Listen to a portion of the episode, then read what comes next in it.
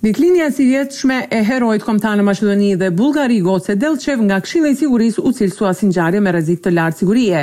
Instituti Patriotik i VMRO-DPMNE-së premtoi se do ta ruajë njëzet e katër orë vendin ku pushon trupi i pajetë i Goce Dellçev. Ministri i Brendshëm bullgar erdhi ditë më parë në Shkup, për të dhënë mesazh me homologun e tij se incidentet nuk do të tolerohen. Policia po bëhet gati për të blinduar lokacionin në afërsi të kishës Sveti Spas e cila është në Çarshinë e Shkupit. Ekzistojnë struktura të cilat nuk do të dëshironin që të kemi një shënim të qetë të këtij përvjetori.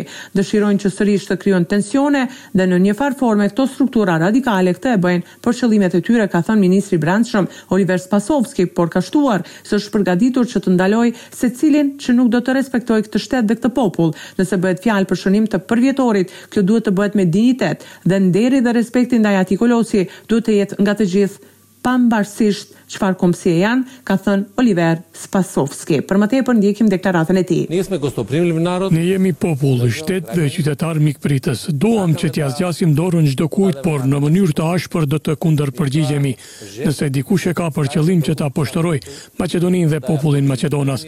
Institucionet po i marrin të gjitha masat. Institucionet do të jenë të gatshme. Po punojmë së bashku me shërbimet sekrete në mbledhjen e informacioneve dhe në bazë të këtyre informacioneve do të marrim të gjitha masat.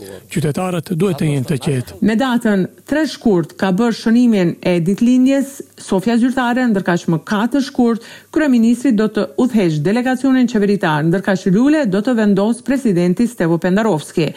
Prezencën e ka paralajmëruar lideri i opozitës Hristijan Mickoski, ndërkaq nuk ka informacione për praninë e ndonjë delegacioni nga Sofja zyrtare. Dimitar Kovaçevski bëri thirrje për kremtim paqësor dhe dinjitoz të ditëlindjes së Goce Dellçev. Ai u ka bërë thirrje gjithashtu të gjitha organizatave që synojnë të provokojnë kremtimin e nesër të jenë të. kujdesshme.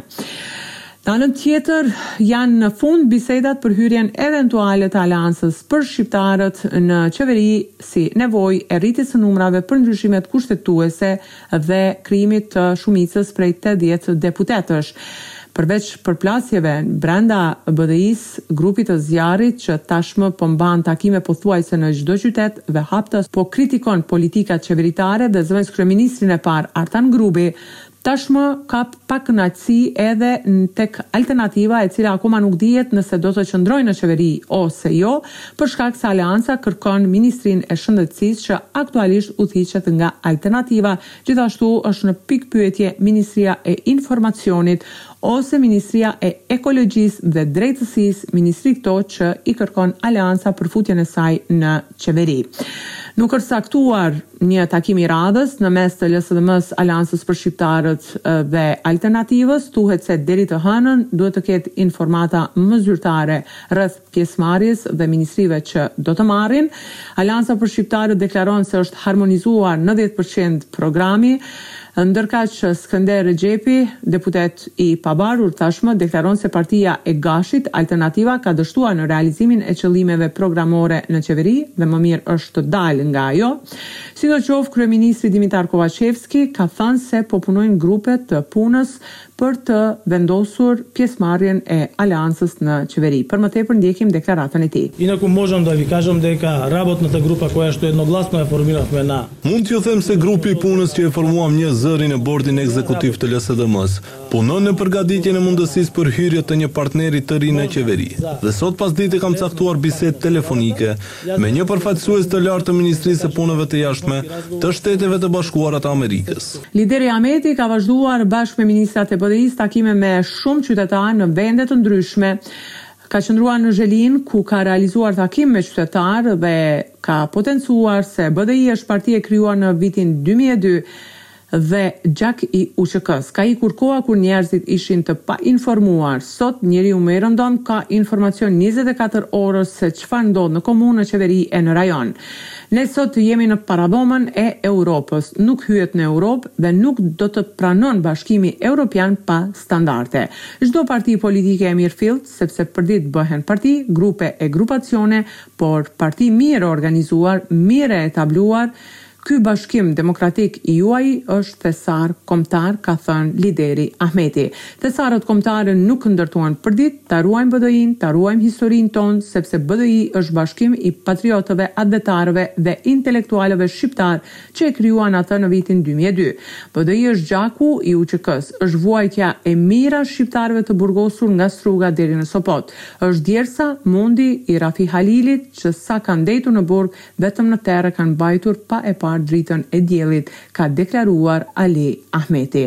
Në ndërkohë që grupi i zjarrit bën zhurmën e madhe në çdo qytet dhe kundërshtojnë politikat e BDI-së si dhe sloganin Bashkë për Europë që sipas tyre nuk është e mundur të bëhet thirrje për bashkim për Europë, por për të shpëtuar politikat e zëvendëskryeministrit të parë, Artan Grubit, që kërkojnë të dorëhiqet.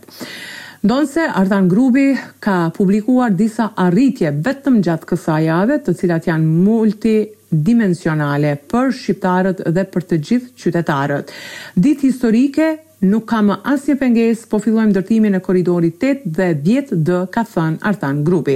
Bashkë me kryeministrin Dimitar Kovaçevski, ministrin e Transportit dhe Lidhjeve Bllagoj Boçvarski, zëvendësministrin Bekim Rexhepi, drejtorin e Rrugëve Shtetërore Ejup Rustemi dhe drejtorin e Konsorciumit Paolo Orsini Finalizuam një hap vendimtar për realizimin e projektit më të madh infrastrukturor në vend, korridorin tetë dhe dhjetë D, me nënshkrimin e marrëveshjes për procesin e konsulencës juridike dhe mbikëqyrjes së procesit të ndërtimit.